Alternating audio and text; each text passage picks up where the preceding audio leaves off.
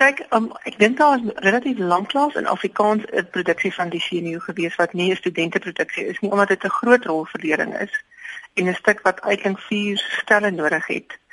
Ehm um, so dit is 'n duur produksie om aan te pak. Ehm um, en en miskien lê die lê die antwoord deels in in in wat vandag se hoe vandag se finansiële situasie lyk like, dat ons regtig vindingryke planne moet maak om groot omvangryke stukke te kan aanbied. So die stuk is is is heel wat korter. Ek het twee karakters gesny. Ehm um, maar die die maar dit is dit is klein nuwe karakters. Ek dink nie daar is soveel nie slag um, met met hulle verdwyning nie. En dan het ons ook in terme van die die plasing van die stel is hulle baie kontemporêre Nouveau-Riche Rusland geplaas. -hmm. Wat sterk ooreenkomste met Suid-Afrika het, maar ons is nie in die Russiese platteland met 'n somerhuisie en 'n meer en sulke so van goed nie. Ons is in 'n in 'n woud van kersbome. Dis baie relevante temas. Is dit hoekom dit na al die jare nog steeds eintlik gewild is en hoekom hoekom dit as teks oorweeg is? Ek dink so, ek dink hy Semyo was Chekhov se eerste vollengte drama en ek dink hy het, het baie van die temas wat hy in in CMU um, getakel het in ander stukke in latere werk weer herbesoek en miskien dieper ontgin as wat hy in CMU doen. Maar as jy mens kyk na wat wat hy in CMU aanspreek, is dit is dit liefde en spesifiek on, um, onbeantwoorde liefde. Ehm um, weet afgelope liefde, die verhouding tussen ouer en kind. Ehm um, weet almal klaar in CMU gedurig oor hulle benade finansiële situasie maar hulle hulle hou heeltyd vakansie, niemand werk nie. Ehm um, so geld kom te sprake, stand kom te sprake, klasse verskille kom te sprake en dan ook spesifiek kunstenaarskap. En ek dink uh, eh, Senu was waarskynlik as ek nou so psigoanalitiese uitspraak mag waag, Chekhov se se eie besinnings oor sy kunstenaarskap en en waarom wil mense kunstenaar wees en net mense keuse in in jou kunstenaarskap. Mm. En ek dink hy sny nogal baie diep diepe bene raak in in in hoe hy omgang met met die die die omgewing van kuns. Hmm. Ehm um, maar dis 'n hartverskeurende stuk. Dis reg weet hy ons weet dink nie daar was na hom iemand wat so met met so min omhaal en so min moeite by die essensie van mense en menslikheid kan uitkom kon uitkom nie. Hy's reg weet 'n dis wonderlik om met sy materiaal te werk. Mm. Jy jy kom net die hele tyd onder die indruk oor hoeveel laag daar is en hoe dimensioneel hy gedink het oor mense, hoe dimensioneel hy geskryf het oor amper alledaagse situasies, daar gebeur nie regtig iets nie. En as jy as jy jou oë uitvee, is daar 'n tragedie wat voor jou uitspeel. Ehm um, sonder dat jy dit besef het, is jy inges is jy meegevoer en ingesuig.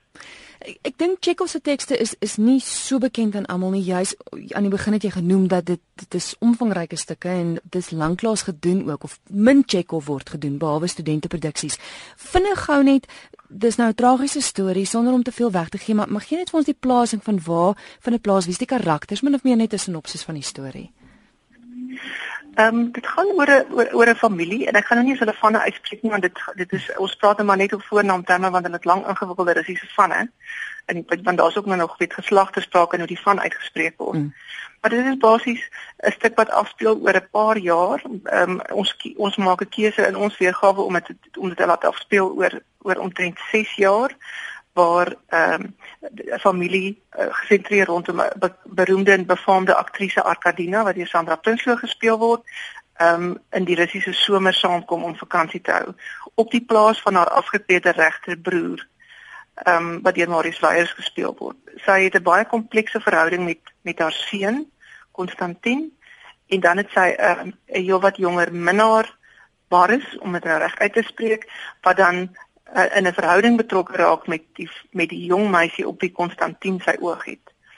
En en en en in in terme van die nuwe karakters is daar 'n plaasbestuurder en sy vrou wat so van ook in 'n liefdelose huwelik vasgevang het want sy het 'n verhouding met die dokter en die hulle dogter Masha wat 'n wat 'n baie 'n soort van um, enigmatiese uh, figuur en karakter in die groter toneel letterkunde is is uiteindelik verlief op op Konstantin maar hy sê glad nie na belang nie en dan en dan en dan gaan sy maar vir haar tweede beste keuse 'n uh, sukkelende onderwyser.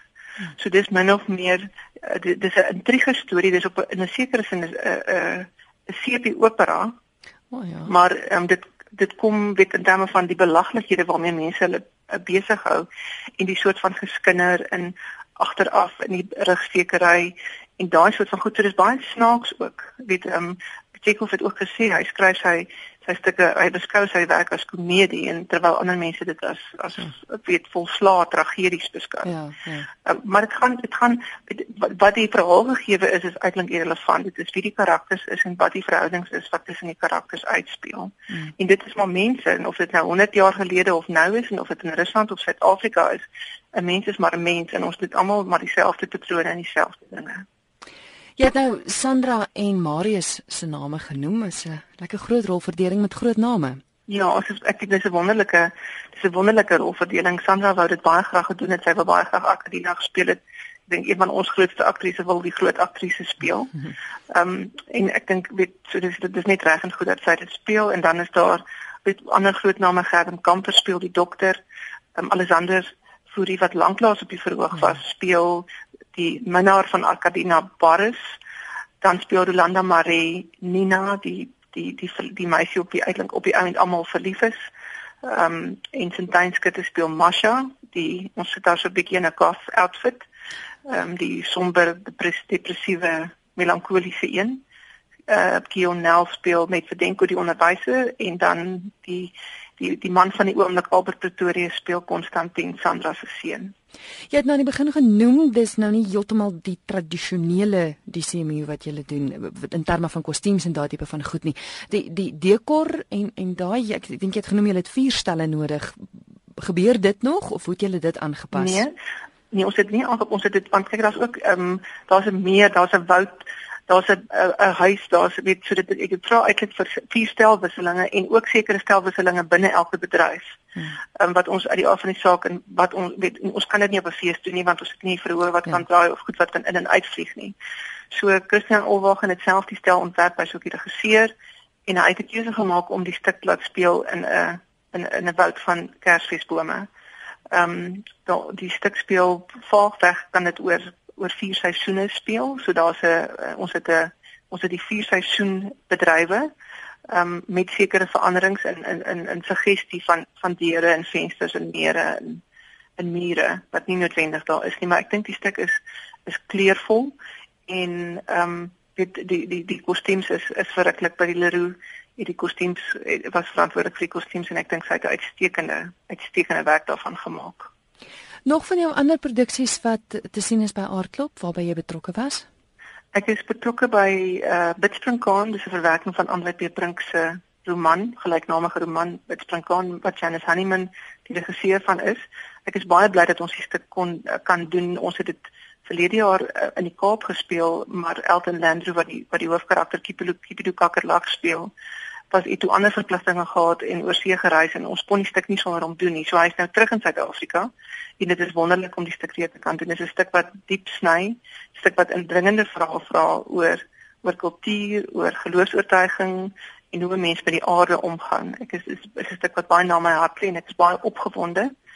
Ehm um, dis 'n sterk rolverdeling Elton Landry en van Roy Crystal Donna Roberts, Gideon Lombard en nou ook Waldie Schultz mooi stuk. Ek dink regtig dis 'n stuk wat tot almal spreek. Hmm. Ehm um, en dan is ek ook vir Christian Olwag 'n bietjie gehelp met sy ehm um, baanbreek stuk, 'n dogma wat by KAKNK die die die prys gewen het as die beste nuwe stuk en die beste produksie is. Dis 'n stuk wat besin oor oor sy eie persoonlike ervaring ehm um, met sy pa wat 'n predikant was en toe met MS gediagnoseer is in die in die aftakeling van die siekte um, op 'n familie. Dis 'n dis 'n aangrypende stuk eerlike rouwerk en ek sal mense regtig aanbeveel om dit te kom kyk.